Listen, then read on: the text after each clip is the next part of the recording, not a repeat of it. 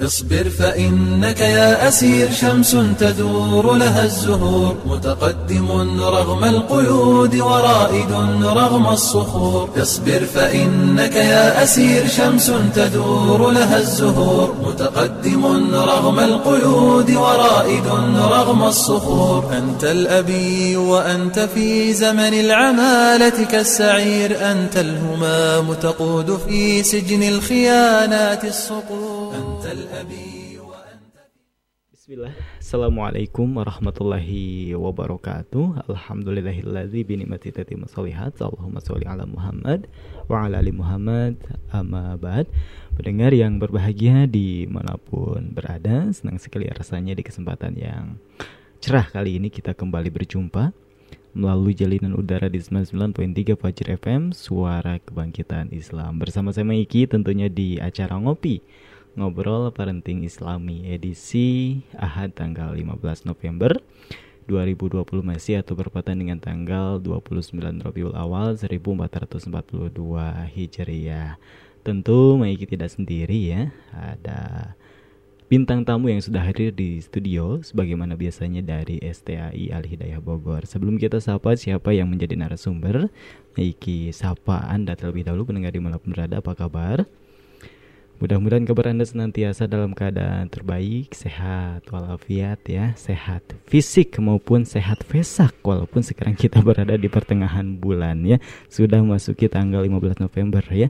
Mungkin uh, di bulan ini di pertengahan, tapi kita berada di penghujung tahun ya, sebentar lagi uh, Desember kemudian kita akan masuki tahun 2021 Masehi dan sekedar info bahwa kalender Radio Fajr FM sudah launching ya, sudah diterbitkan. Bagi Anda yang ingin memesan silakan bisa ke 0811 11 10 993.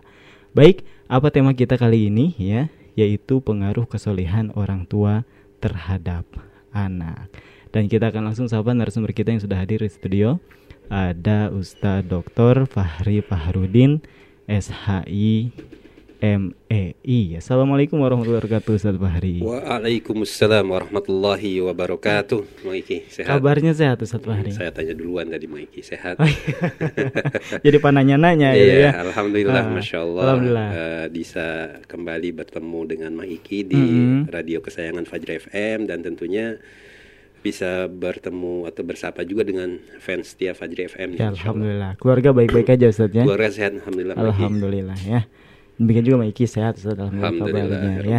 Mudah-mudahan juga pendengar senantiasa dalam lindungan Allah Subhanahu wa taala agar Amin. kita bisa seterusnya eh, berada dalam kebaikan, sama-sama mencari ilmu ya Iya. seperti acara yang lagi bergulir seperti ini Ustaz ya ada ngopi. Mudah-mudahan tidak hanya eh, ahad kali ini, ahad-ahad eh, sesudahnya pun ya, ahad-ahad berikutnya Allah panjangkan umur antum Ustaz untuk Amin, amin. kembali berbagi ilmu mungkin dengan Insya Allah. tema yang berbeda. Nah Ustaz, tema kita di kesempatan pagi hari ini adalah pengaruh kesolehan orang tua terhadap anak itu seperti Iya. apa.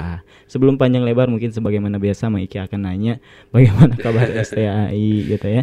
Baik, eh, sekolah tinggal kami sama Hidayah baru saja menyelesaikan eh, KBM rutin itu eh, ujian tengah semester Maiki. Mm-mm. Jadi saya dalam kesempatan yang berbahagia juga ingin mengucapkan selamat pada para mahasiswa dan semoga meraih hasil yang maksimal telah melewati masa-masa ujian tengah semester Iya. dan eh, juga ada kabar baik lain dari keluarga besar mahasiswa Badan Eksekutif Mahasiswa STI Hidayah yang dua hari ke belakang sedang melakukan rapat kerja di satu tempat satu daerah mereka sedang menyepi. Gitu. dan tentunya eh, karena memang tujuannya rapat kerja ya mudah-mudahan dari hasil dan usaha serta ikhtiar mereka eh, mereka bisa melahirkan ide-ide cemerlang gitu ya sebagai eh, apa eh, eh, sebagai contoh, sebagai sampel sosok-sosok pemuda Islam. Dan kemarin juga saya sampaikan pada mereka teman-teman mahasiswa mudah-mudahan tetap menjadi sosok sebagaimana Al-Qur'an berkata fi'atun amanu bi rabbihim wa zidnahum huda. Anak-anak muda yang beriman kepada Allah ya karena keimanannya akhirnya mereka diberikan petunjuk yang banyak oleh Allah Subhanahu wa taala. Jadi luar biasa anak-anak mahasiswa kita ini ya selain mereka terjaga dalam keimanan dan amal solehnya juga mereka ikut berperan aktif gitu ya uh, mengemban amanah untuk mensosialisasikan amal-amal solehnya. Masya Allah. Gitu. Dan itu yang kita harapkan dari teman-teman mahasiswa STA deh. Alhamdulillah ya. Demikian ya uh, semangat dari teman-teman Iya. kita yang ada di BEM STI Betul. Al Hidayah Bogor.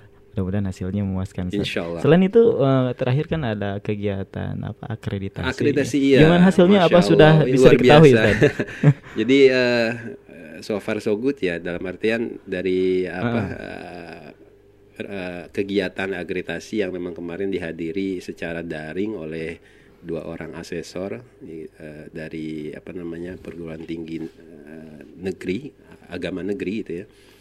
Eh, kita sih berharap dalam artian ini ya proses akreditasi yang kemarin yang kita alami itu eh, luar biasa dijalankan dengan penuh eh, kekeluargaan gitu ya keakraban sehingga kita sangat optimis sekali eh, apa namanya diskusi di antara kita dengan asesor itu memberikan kontribusi serasi yang terbaik. Walaupun memang Maiki hasilnya tidak bisa eh, kita lihat secara cepat karena memang itu kan ada proses Iya, ya, iya. proses verifikasi penilaian dan lain sebagainya. Eh, yang pasti kita berhusnuzon berhusnuzon sama Allah Subhanahu wa taala dan kita yakin insya Allah apa pun yang eh, diberikan nanti itu adalah eh, yang terbaik buat kita gitu Iya. ya, yang terbaik buat Estaya Hidayah. Hmm, amin ya Allah ya Rabbal Alamin ya.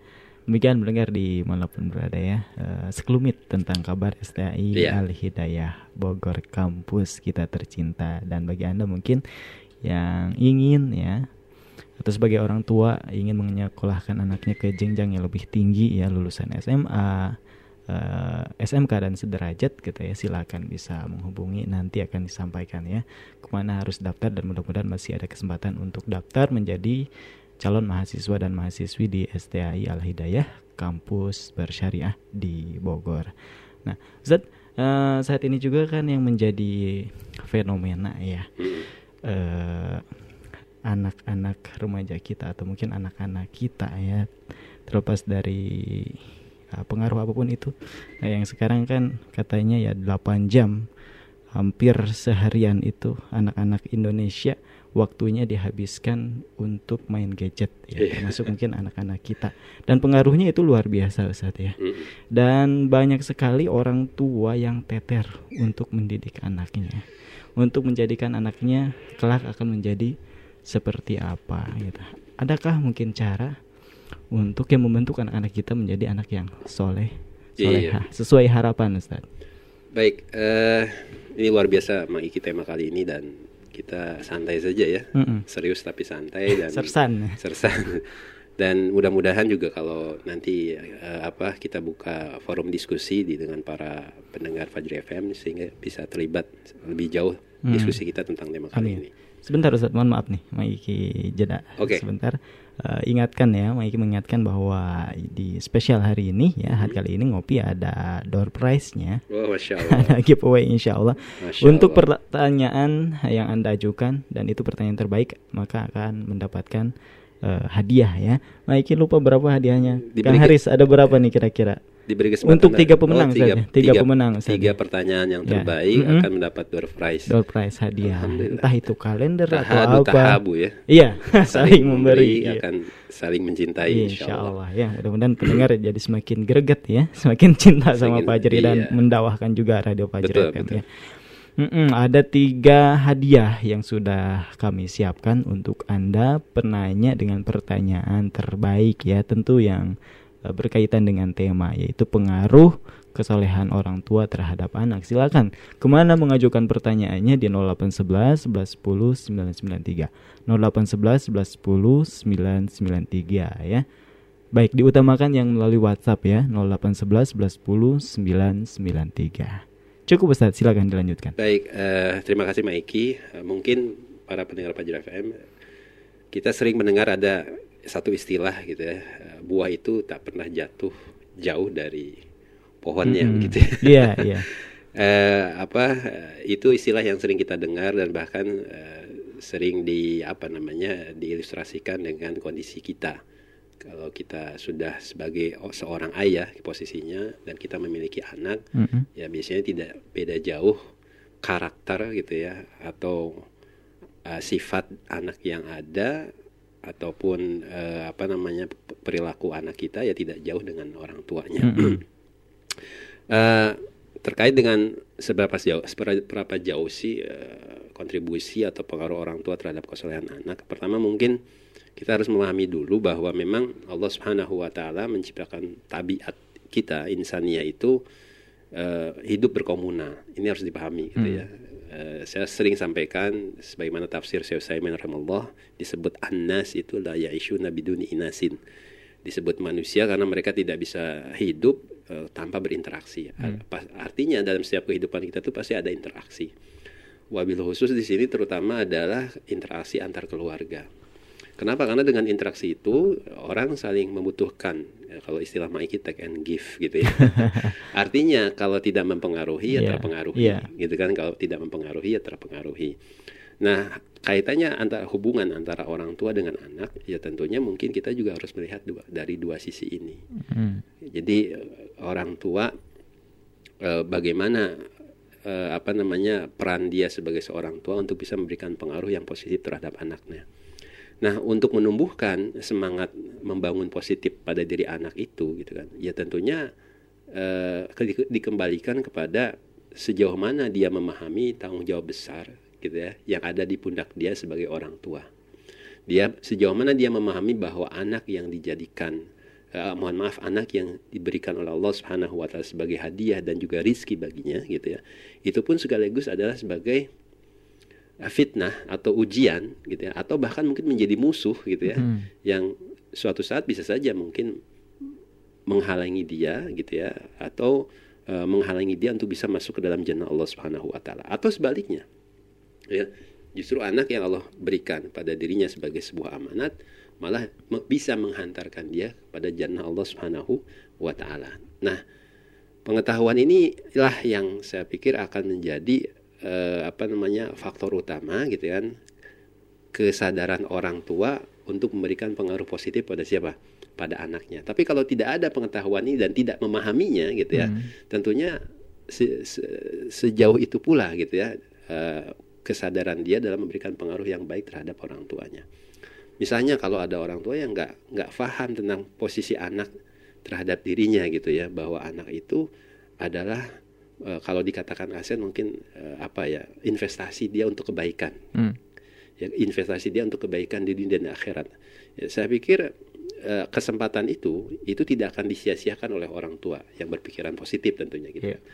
Ah, eh, karena gitu kan dia memahami betul gitu ya bahwa anak akan menjadi tabungan amal kebaikan dia nanti di akhirat kan begitu. Sehingga dia akan berusaha semaksimal mungkin gitu ya, berusaha semaksimal mungkin untuk eh, memberikan eh, apa namanya pendidikan yang baik kepada anaknya ya. Karena dari pendidikan yang baik yang dia berikan pada anaknya itu pun akan kembali dampaknya kepada kepada dirinya. Hmm. gitu kan seperti itu. Nah jadi ini kalau dilihat dari sisi aspek orang tua. Kenapa? Karena banyak orang tua yang sekarang tidak memahami eh, aspek ini nih Mang Iki gitu kan. Dia tidak sadar kalau anak itu itu posisinya bisa menjadi apa tadi bisa menjadi uh, fitnah bisa menjadi ujian atau bisa menjadi lahan ladang pahala bagi dirinya bagi dirinya di sisi Allah Subhanahu wa taala Hmm, gitu ya. Nah, makanya eh, hal yang harus dibangun pertama kali adalah tadi kesadaran bahwa kita memiliki tanggung jawab yang besar terhadap anak yang menjadi eh, apa namanya eh, di bawah pengasuhan kita. Hmm. Nah, untuk itu pengaruh yang baik gitu ya, eh, pengaruh yang baik tentunya eh, ini yang diharapkan untuk bisa diberikan kepada anak-anak kita. Yang yang kedua dari sisi anak, gitu ya. Di sisi anak, anak itu kalau orang pendidikan, saya saya bukan orang pendidikan tapi teori ini banyak lah.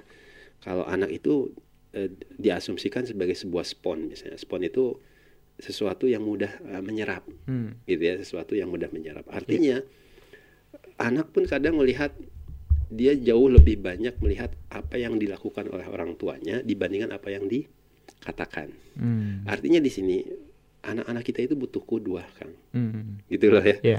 butuh kudua yang nyata butuh hero gitu loh Bu- butuh superhero yang real yang nyata bukan khayalan dia nggak Hmm. butuh Avenger dia nggak butuh Superman dia nggak butuh Iya. Naruto gitu kan dia butuh betul-betul pahlawan yang uh, memberikan uh, apa uh, gambaran konkret gitu ya yang nyata yang bisa dia tiru gitu kan kemudian hal-hal positif yang biasa dia lihat dan itu tidak bisa dia dia dapati kecuali dari orang yang paling dekat dengannya Hmm. siapa dalam hal ini ayah Ya.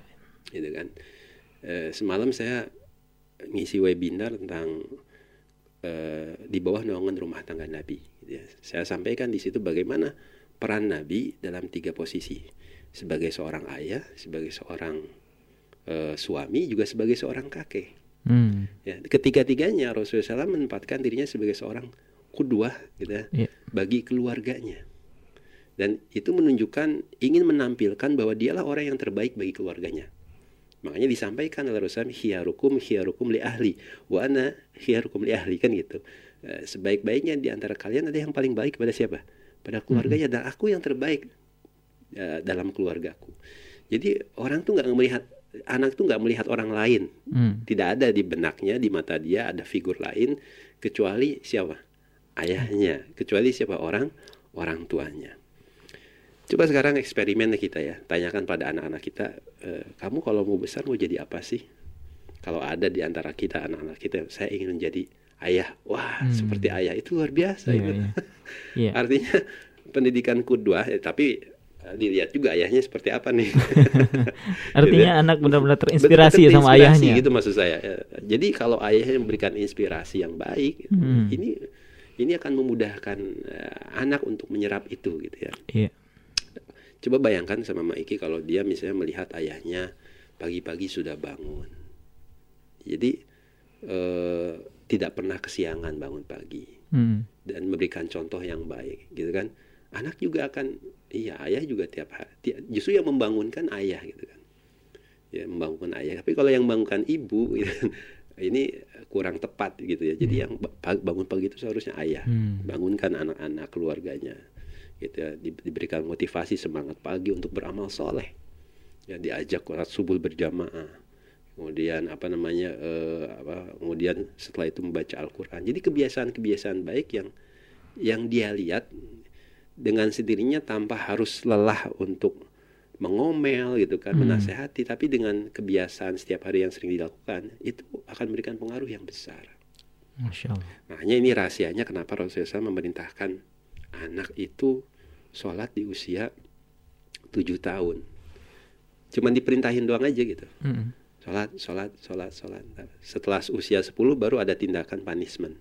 Kenapa? Karena dengan harapan selama tiga tahun masa sih dengan apa dengan nasihat tidak ada asar apalagi kalau diperkuat dengan apa dengan perilaku dengan contoh seperti itu jadi eh, dia butuh kudwah gitu ya dia Iya. butuh panutan gitu kan Eh, dia butuh apa namanya eh, sosok gitu ya, yang dia memang bisa eh, dijadikan inspirasi kebaikan buat dirinya nah makanya eh, saya bilang masyarakat kita kalau tadi kata Mang Iki banyak terpengaruh oleh di lingkungan di luar keluarganya Mm-mm. karena boleh jadi mungkin di rumahnya dia sudah kehilangan sosok panutan Hmm.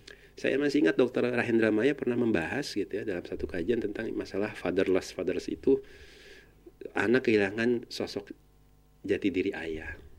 Mungkin ada ayahnya ada di rumah tapi jiwanya nggak ada di rumah karena asik Iya, dengan iya. dunia sendiri gitu kan main gadget. A- Anak juga bingung. Ayahnya ada di rumah tapi asik dengan handphone misalnya asik dengan dunianya padahal eh, apa seharusnya dimanfaatkan waktu itu untuk waktu keluarga misalnya gitu ya seperti itu. Jadi Mm-mm. dia berusaha mencari perhatian pada yang lainnya. Nah Rasulullah SAW itu eh, orang yang paling Sallallahu Alaihi Wasallam itu orang yang paling eh, pintar sekali gitu ya tepa- untuk menggiring cucunya mengingatkan siapa ayahnya gitu. Hasan radhiyallahu itu sering bercanda bermain dengan Rasulullah SAW bahkan sering main kuda-kudaan. Hmm. Jadi ini menunjukkan juga bahwa harus masuk ke dalam dunia anak terlibat main dekat gitu kan merasakan dunianya Iya. seperti apa dan nggak usah malu kita sebagai ayah gitu kan kadang Iya. kan harus eh, apa eh, berperan membodoh-bodohi diri supaya Iya. kelihatan lucu gitu kan itu nggak ada masalah membuat hati anak senang itu sering naik kuda-kudaan dan Rasulullah SAW mengatakan eh, penunggang yang terbaik hari ini adalah kamu gitu. Tapi tahu nggak gitu ada orang yang sebaik-baiknya penunggang kuda, Mm. ya penunggang yang paling baik. Siapa itu? Ayah kamu. Allah. Jadi diingatkan dia si cucunya itu dia apa? Diarahkan untuk eh, melihat sosok pahlawan yang paling Hmm. terdekat siapa? Ali bin Abi Iya. Thalib, gitu kan. Tapi ada penunggang kuda yang terbaik, gitu kan. Siapa itu? Ayahmu. Mm.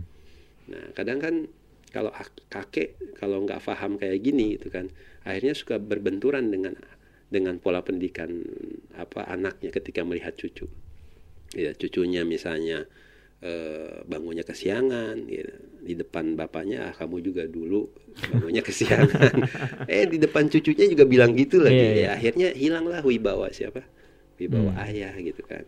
Nah, saya pikir hal-hal kayak gitu juga sangat perlu sekali diperhatikan oleh kita gitu Iya. kan. Sehingga dari sini juga kita akan sadar ternyata memang eh, unsur mempengaruhi eh, apa namanya anak itu begitu kuat gitu ya karena kedekatan dan kelekatannya. Makanya eh, coba bayangkan kalau seandainya gitu ya setiap hari aktivitas kita itu di hadapan anak kita itu semuanya kebaikan Mm. kan luar biasa Iya. Gitu. semuanya kebaikan melihat membaca Al-Quran sholat berjamaah kemudian hal-hal kebaikan maka anak juga akan akan meniru meniru ayahnya ya jadi saya katakan sekali lagi anak itu sedikit sekali akan menyerap apa yang kita sampaikan tapi dia akan banyak menyerap apa yang dia lihat Mm. ya, Ya. yang dilihat yang dia lihat tuh Hmm, seperti apa hmm. gitu Eh, sholat kamu ke masjid itu kan disampaikan tapi ayahnya santai-santai aja Iya. Nah, eh, dampaknya apa? Dampaknya gitu ya, itu luar biasa. Anak akan akan tadi saya bilang akan akan melihat eh, kebaikan pada diri ayahnya. Jadi eh, kita sebagai orang tua kadang jangan dulu menyalahkan anak gitu ya. Karena boleh jadi ya kerusakan anak itu adalah akibat kerusakan kita Mm. Gitu ya. Dan kebaikan anak itu karena kebaikan kebaikan kita. Kan semuanya kembali kepada gimana pengasuhan kita ya cara kita dalam mengasuh anak-anak kita. Kalau kita salah jelek ya ya jangan harap anak menjadi baik gitu kan. Kalau kita sendiri pun tidak baik dalam mengasuhnya. Makanya uh, akan sangat uh, terpengaruh sekali kebaikan orang tua itu kesolehan orang tua itu akan menjadi kesolehan siapa? Kesolehan anak gitu ya ini secara teorinya seperti itu gitu ya. Dalam artian Allah akan memudahkan menunjukkan jalan kebaikan kepada anak kalau memang orang tuanya sendiri pun berusaha untuk menunjukkan kebaikan. Tapi kadang takdir kauninya bisa saja Hmm. berbeda. Karena sejarah juga Iya. menceritakan ke kita misalnya ada seorang nabi Nuh alaihissalam gitu. Nabi gitu bayangkan nabi. Hmm. tapi istri dan anaknya tetap saja tidak menerima hidayah. Ini masalahnya lain lagi gitu. Jadi tetap usaha kita itu Allah akan memudahkan itu gitu ya. Akan Allah akan memudahkan.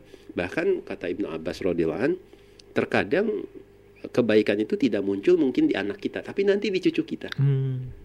seperti itu. Ya Iya, tadi iya. mungkin akan muncul di cucu kita. Eh, Maggie mungkin pernah dengar cerita ya tentang kisah eh, seorang anak perempuan yang sangat jujur sekali di zaman Umar bin Khattab radhiyallahu Hmm. an dengan Iya, iya. ibunya seorang Iya. janda Mm-mm. mereka penjual susu Iya. gitu. Mm. itu kan luar biasa Hmm. gitu kan kebaikan Umar kepada anaknya itu apa namanya eh, Allah balas dengan juga diberikan cucu yang baik dari pernikahan anaknya itu Mm.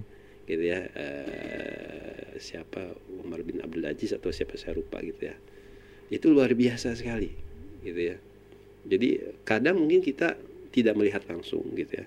Tetapi kita dapati nanti anak cucu kita itu mungkin dia menjadi soleh karena kebaikan eh, kakek buyut kita itu bisa begitu. Iya. gitu ya. Ini tafsirnya para ulama ketika mereka menafsirkan firman Allah Subhanahu wa taala dalam Al-Qur'an surat Al-Kahfi. Gitu ya dalam Quran surat Al-Kahfi tentang eh, kisah Khidir alaihissalam gitu ya yang menghancurkan sebuah dinding atau rumah gitu ya yang dimiliki oleh dua orang anak yatim yang ternyata di dalamnya tersimpan harta karun milik orang tuanya yang soleh Hmm. gitu kan jadi seperti itu Maiki gitu ya Eh, kurang lebihnya wallahu a'lam Demikian ya pendengar di mana pun berada eh, pengaruh kesolehan orang tua terhadap anak. Kalau kata orang Bogor mah uyah mah tara TSK luhur Ustaz ya. Jadi uh, kalau ingin anak kita soleh yang terlebih dahulu dituntut untuk soleh ya diri kita gitu ya. Dan setahu Maiki uh, apa namanya omongan tanpa amal yang nggak ada ruhnya yeah, nggak ada energinya gitu. Dan biasanya si anak wah bapak oke gitu. Dan lain sebagainya.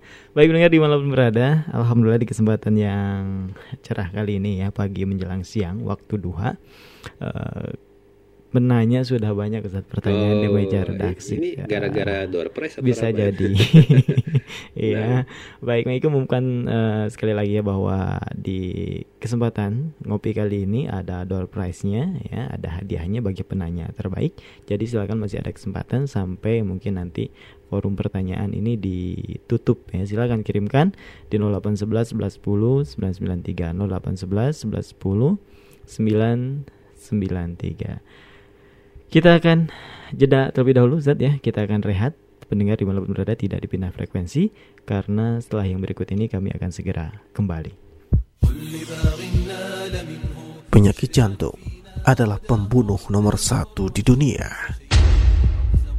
Penyakit jantung tercatat telah menyebabkan kematian di usia muda sebanyak 17,3 juta jiwa. Bahkan pada tahun 2030, angka kematian tersebut diperkirakan akan mencapai 23 juta jiwa.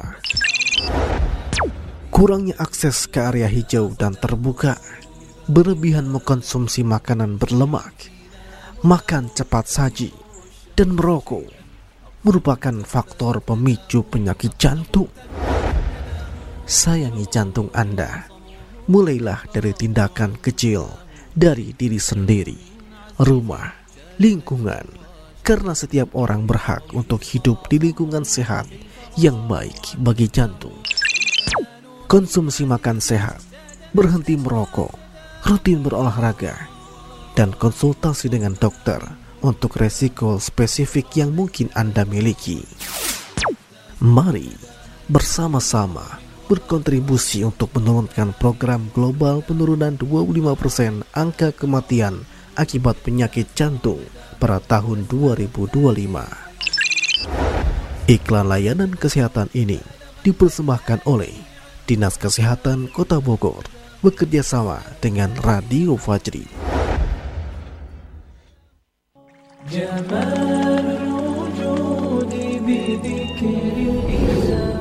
Rasulullah Shallallahu Alaihi Wasallam bersabda, konsumsilah minyak zaitun dan gunakanlah sebagai minyak untuk kulit dan rambut, karena sesungguhnya ia berasal dari pohon yang diberkahi. Hadis riwayat Tirmizi dan Ahmad telah hadir. Mizar, minyak zaitun rukiah, terbuat dari minyak zaitun pilihan kualitas terbaik, extra virgin oil, serta telah dirukiah oleh praktisi rukiah syariah dengan izin Allah. Mizar bisa membantu mengobati penyakit medis dan non-medis. Alhamdulillah, banyak orang yang telah mengkonsumsi mizar dan telah merasakan khasiatnya. Ayo, dapatkan mizar di toko-toko terdekat kota Anda. Atau Anda juga bisa menghubungi kami di telepon atau WA 0812 1970 5220 0812 1970 5220 atau kunjungi website kami di www.minyakzaitunrukiah.com. Tunggu apa lagi? Segera dapatkan Mizar dan sekarang giliran Anda merasakan khasiatnya. Mizar, solusi sehat Islami.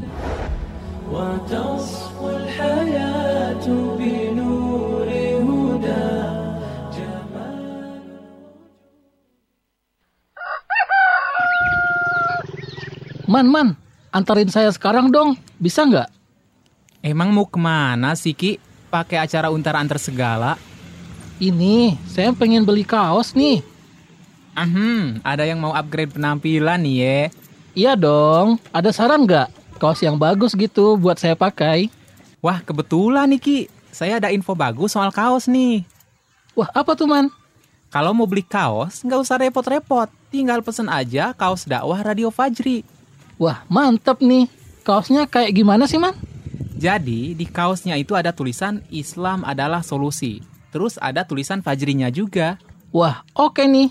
Pakai kaos sekaligus ngenalin radio dakwah Fajri. Betul banget Ki. Yaudah, yaudah. Mana nomor teleponnya? Saya mau pesan sekarang.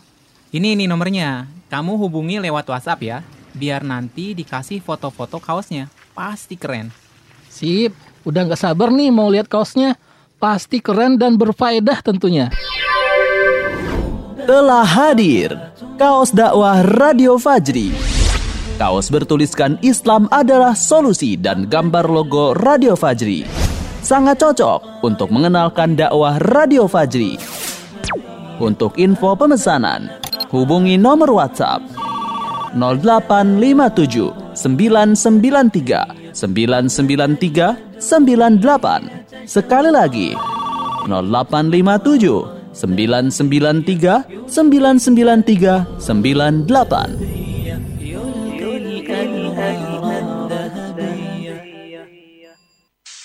Saat ini Anda sedang mendengarkan frekuensi 99.3 Fajri FM dan radio streaming di alamat situs www.fajrifm.com.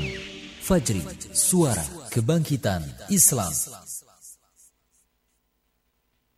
اصبر فإنك يا أسير شمس تدور لها الزهور متقدم رغم القيود ورائد رغم الصخور. اصبر فإنك يا أسير شمس تدور لها الزهور متقدم رغم القيود ورائد رغم الصخور. أنت الأبي وأنت في زمن العمالة كالسعير أنت الهمام تقود في سجن الخيانات الصقور.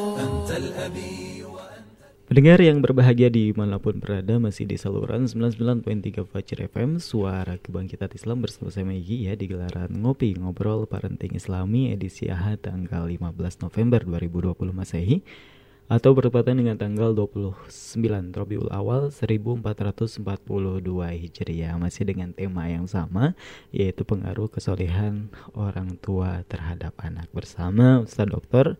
Fahri Fahrudin SHI MEI dari STAI Al Hidayah Bogor. Nah, masih ada kesempatan bagi Anda yang bertanya di kesempatan pagi hari ini karena door prize-nya juga belum diumumkan siapa pemenangnya ya silakan. Masih ada peluang artinya. Kirimkan di 0811 11 10 993 0811 11 10 993. Ada tiga hadiah yang menanti untuk tiga orang penanya terbaik ya silakan. Kirimkan pertanyaannya tentu yang berkaitan dengan tema kita pengaruh kesolehan orang tua terhadap anak. Satu hari masih semangat insya Allah ya. Semangat Ustaz. Berhubung pertanyaan kita banyak nih Ustaz ya. Banyak. Kita akan langsung Jadi ya. sepertinya memang harus disediakan door prize nih. Hmm. ya wajib nih Fajri. Hmm. Baik, baik. Siap Ustaz ya. Baik. Kita akan langsung eksekusi saja. Pertanyaan sudah masuk ya di meja redaksi. Yang pertama melalui WhatsApp ada dari eh, Asma ya. Eh, pertanyaannya, Ustadz saya sering melihat fenomena keluarga-keluarga yang menerapkan Islam secara dogmatik. Artinya standar baik atau buruknya anggota keluarga hanya terletak pada pelaksanaan ibadah ritual tanpa memiliki keinginan untuk menghidupkan ruh Islam. Akibatnya tumbuh keluarga muslim yang parsial. Eh, ayah mampu eh, komit ya dengan Islam. Eh, sementara ibu dan anaknya bersikap memusuhi kebaikan dan enggan menerapkan Islam secara kafah. Yang ingin saya tanyakan adalah pertama, ada apa di balik ini semua? Nah, itu mungkin ada beberapa pertanyaan ya Ustaz ya. Tapi Baik. mungkin satu saja yang kita pilih karena berhubung eh, penanya yang lainnya juga banyak gitu ya. Ustaz. Baik. eh, Boleh Ustaz silakan. Jadi kalau dikatakan ada apa fenomena gitu ya. Sebenarnya fenomena yang paling muncul yang fenomena, umum ya, yang memang ini mungkin menjangkit, menjangkiti mayoritas kaum muslimin. Ya sebagaimana yang disinyalir dan disampaikan oleh Rasulullah SAW, kita itu sudah mulai jauh dari agama kita, gitu kan. Maksud jauh dari agama di sini adalah jauh dari pemahaman agama yang benar. Hmm. Dan itulah yang memang mayoritas masyarakat kita itu eh, memahaminya seperti itu. Jadi Iya. Agama itu ya sekedar eh, rutinitas ibadah mahdoh saja, Mm-mm. gitu ya. Saum Ramadan, sholat Idul Fitri, haji, selesai udah. Padahal Islam itu adalah salah satu tuntunan eh, disebutnya apa ya? eh, apa eh, Islam itu adalah manhaj hidup Hmm. gitu ya.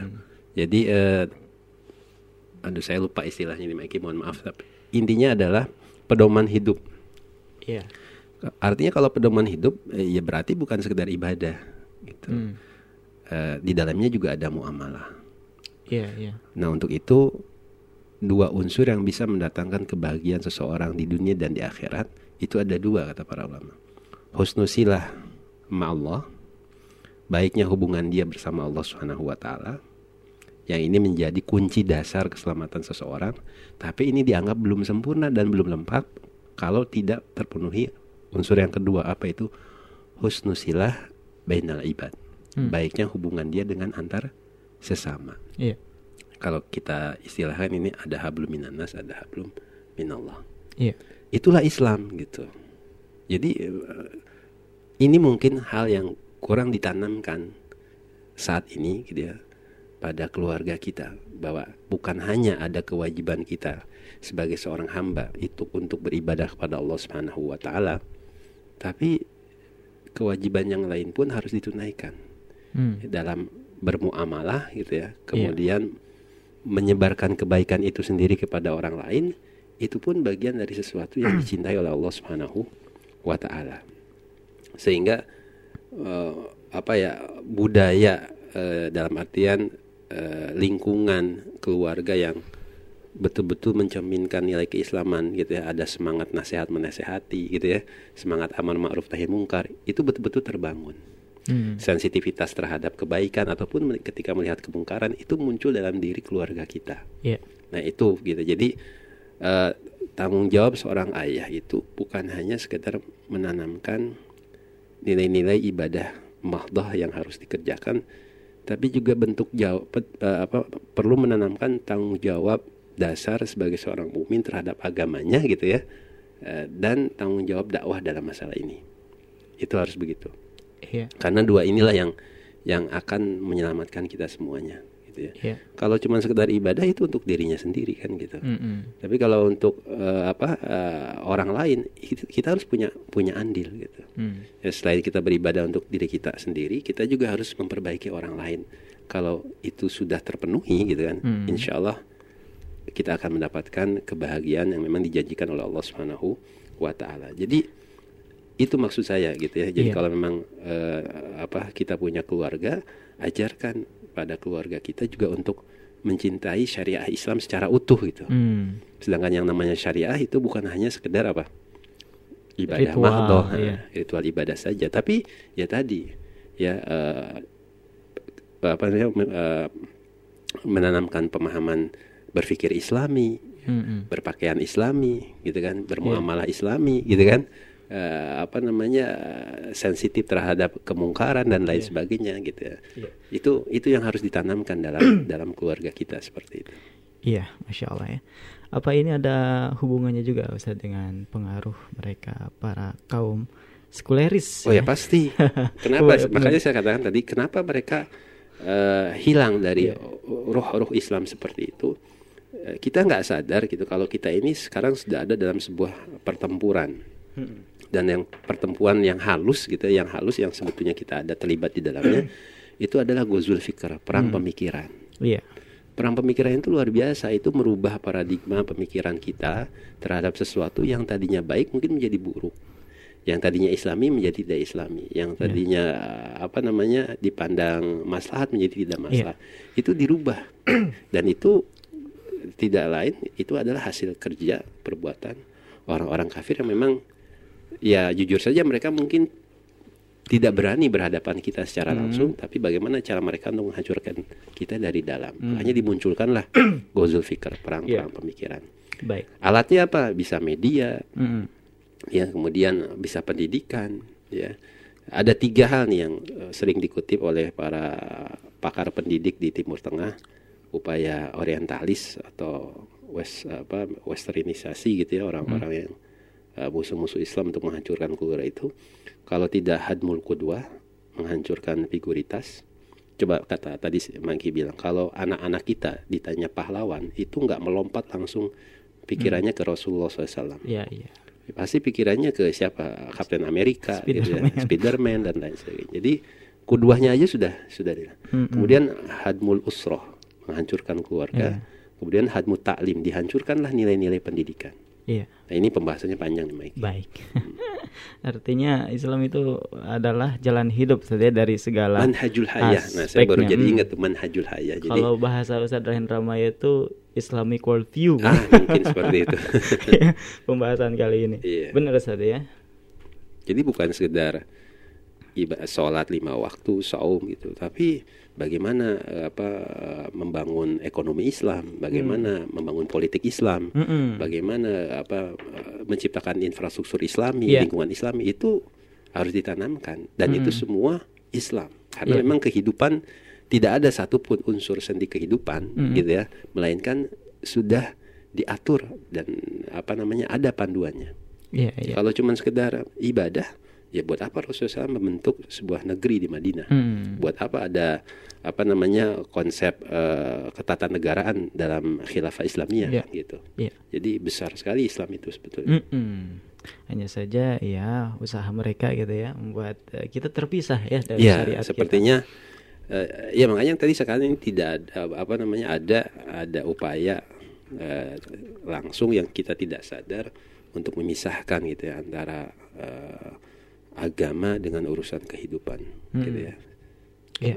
dan lain sebagainya. Baik dan tadi salah satu tips atau mungkin upaya agar mengembalikan kita kepada Islam yang kafah adalah menanamkan eh, apa pemahaman Islam sendiri yang, baik, yang, murni, seutuhnya yang gitu, seutuhnya. yang betul itu seperti apa gitu Mm-mm. kan. Baik.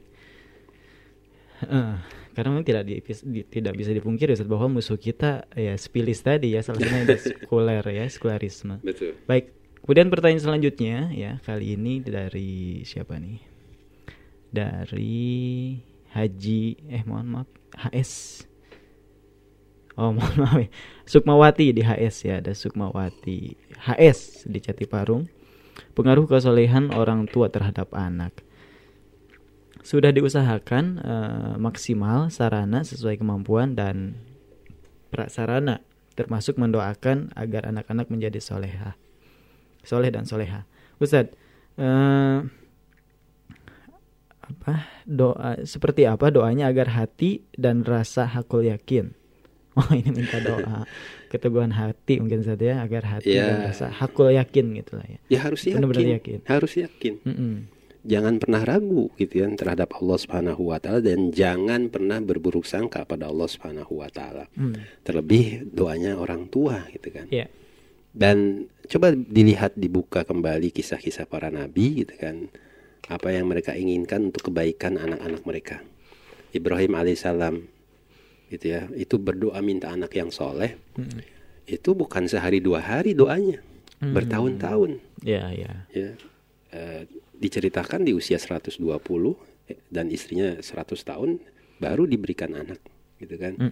Jadi apa sih yang kurang dari kita? Kita kurang sabar gitu ya padahal mungkin dalam kes- kesabaran itu sendirilah ada kebaikan yang Allah hendak berikan yang banyak kepada kita Ya.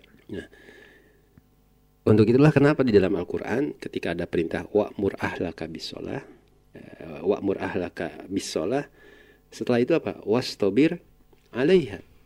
Ajari mereka atau perintahkan keluargamu untuk sholat. Setelah itu apa? Bersabar. Hmm. Gitu ya. Karena memang proses pendidikan, proses pembiayaan itu bukan eh, bukan sesuatu yang eh, apa ya membutuhkan waktu singkat. Artinya ada proses Iya. ada proses gitu kan. Terlebih orang itu ada karakter, ada kebiasaan gitu ya dan lain sebagainya.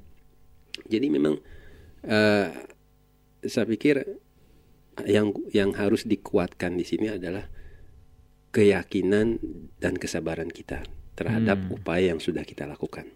Iya. Dan jangan pernah ragu dengan janji Allah Subhanahu wa taala. Karena kebaikan itu pasti akan dibalas dengan dengan kebaikan. Walaupun mungkin kita tidak melihat saat ini gitu loh. Ya, Iya. entah nanti 10 tahun ke depan atau mungkin setelah anak kita berkeluarga gitu kan Hmm. atau menjelang kita wafat kita baru melihat kebaikan anak-anak kita atau mungkin setelah kita wafat gitu kan. Iya. Kita nggak tahu itu itu rahasia yang memang Allah apa namanya Allah atur gitu ya. Iya. Hikmah yang telah Allah tetapkan bagi diri kita. Iya. Makanya jangan eh, saya hanya ingin memberikan motivasi gitu ya pada yang bertanya tanamkan keyakinan kuatkan kesabaran tetap berhusnuzon pada Allah Subhanahu wa taala karena tidak ada satupun doa kebaikan yang kita panjatkan kepada Allah melainkan itu pasti dibalas Hmm. dan Allah yang paling tahu Hmm. ya ketika doa kita itu dibalas pada waktu dan keadaan yang tepat Iya. bagi kita Iya. ya pada waktu dan keadaan yang tepat bagi kita Iya. insya Allah Baik, masya Allah ya. Walaupun kadang kita sebagai manusia ingin spontan ada Ya, apa-apa tuh cepat. langsung gitu ya. Ya kita inginnya kan serba instan Iya. gitu. Oh, pengennya serba. Iya itu keinginan kita. Tapi keinginan Allah kadang berbeda gitu. Makanya berharaplah yang terbaik sajalah pada Iya. Allah Subhanahu wa taala. Yang pasti kita sudah berusaha maksimal Iya. gitu kan. Apa yang Allah eh, apa namanya yang Allah perintahkan kita berusaha maksimal untuk kita Iya. kita lakukan begitu. Iya. kalau kita ya, ya, apa-apa inginnya kontan gitu bagaimana seandainya kalau dosa-dosa kita juga dibayarnya kontan gitu ya.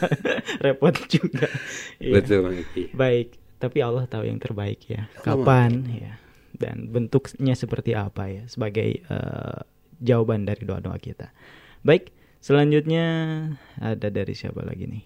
Eh, masih melalui WhatsApp ya.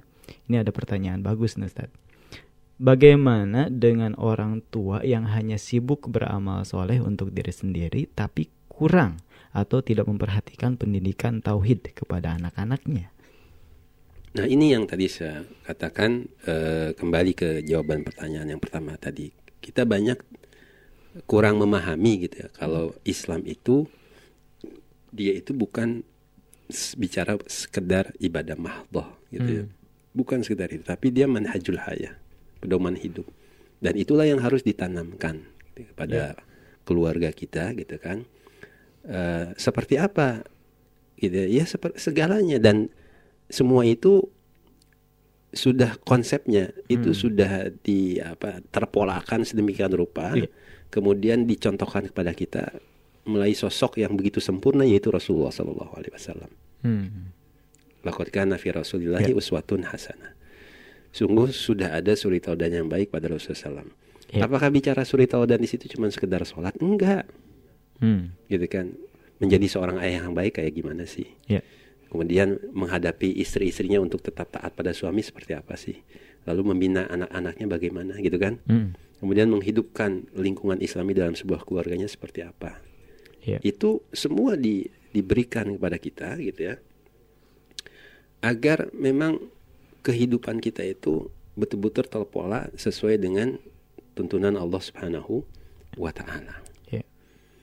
Makanya saya bilang ini masalahnya bukan masalah sepele sebetulnya bicara keluarga itu bukan masalah sepele. Kenapa? Karena banyak sekali ayat Al-Qur'an dan juga hadis-hadis Nabi SAW terkait dengan eh, apa upaya untuk membentuk sebuah keluarga yang yang yang sakinah Hmm. gitu.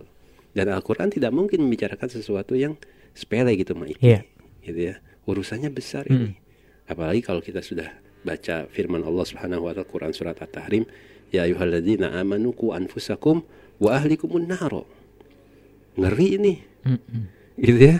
Ngeri sekali kalau seandainya kita terhalang masuk surga karena gara-gara kita nggak bisa memberikan pemahaman Islam yang baik terhadap keluarga kita. Ya. Apa sih tafsirnya? Ku anfusakum wa ahlikumun naro. Adibuhum wa alimuhum. Ajari mereka etika. Hmm. Adibuhum etika dan ajari mereka il, ilmu. Etika itu apa sih gitu? Ya, cara bermuamalah dengan baik pada orang tuanya, kepada sesama, pada orang lain, pada tetangga dan lain sebagainya gitu kan.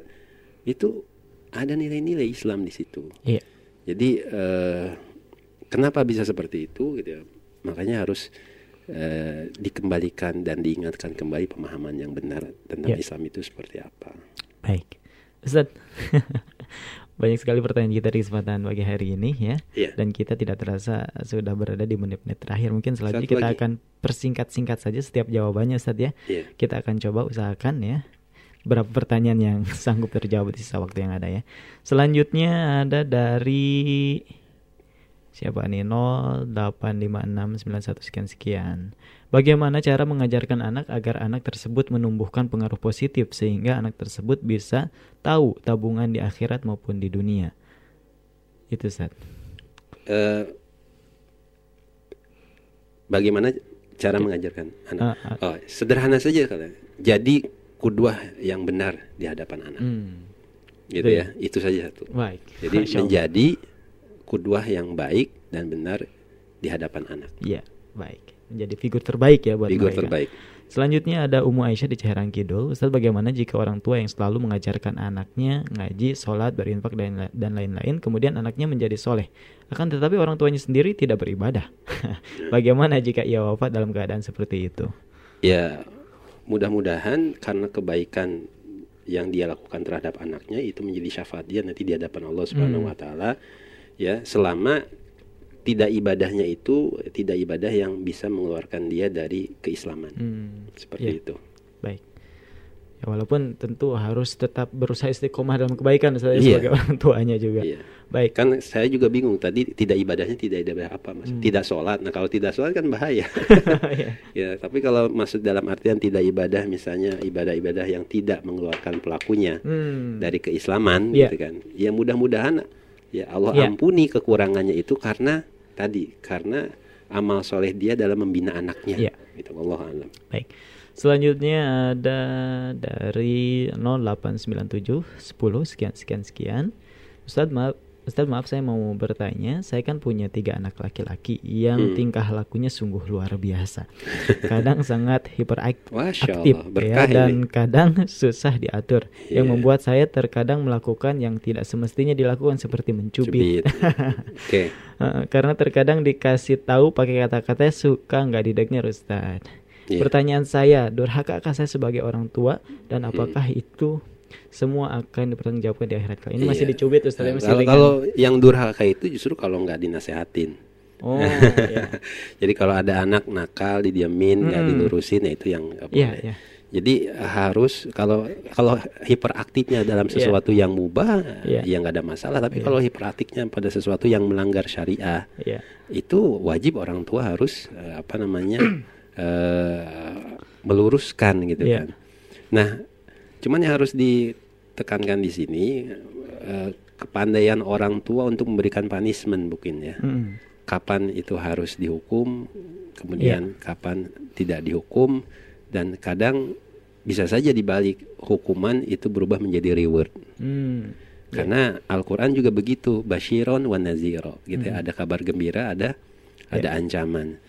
Coba nanti polanya dibalik gitu kan. Karena udah Ya. terlalu sering diancam gitu kan atau dicubit, ya Ya. sekarang kasih motivasi lah Iya. atau berikan janji hadiah toh itu juga adalah metode gitu kan. Mm-hmm. Eh, kamu nanti masuk neraka kan serem juga gitu kan. Iya. Nah, Ingetin tentang surga. Iya. Ayo nak sama-sama kita sholat katanya mau masuk surga bareng-bareng Iya. sama ibu yuk atau sama ayah yuk gitu Iya. supaya kita bisa masuk surga dan lain sebagainya. Jadi Iya. jangan lupa gitu dalam dua hal ini harus tetap seimbang. Iya. Selain menghukum tapi juga harus Iya. memberikan reward. Mm. Allah alam. Baik. Ini agak lucu juga Ustaz ya. Ini khawatir agak kualat ke anak gitu ya. Dihukum terlalu keras. Kalau masih dicubit masih wajar tadi ya. Eh, Umar bin Khattab itu eh, kan ini sering jadi perdebatan nih Mang Iki. Iya. Gimana sih hukum membawa anak ke masjid kayak gimana sih? Iya, iya. gitu kan. Itu sebagai jumhur ulama membolehkan walaupun anak itu belum dalam usia balik. Hmm. Gitu ya. Tetapi kalau sudah mengganggu sholat, maka kewajiban orang tua untuk mendidiknya. Hmm.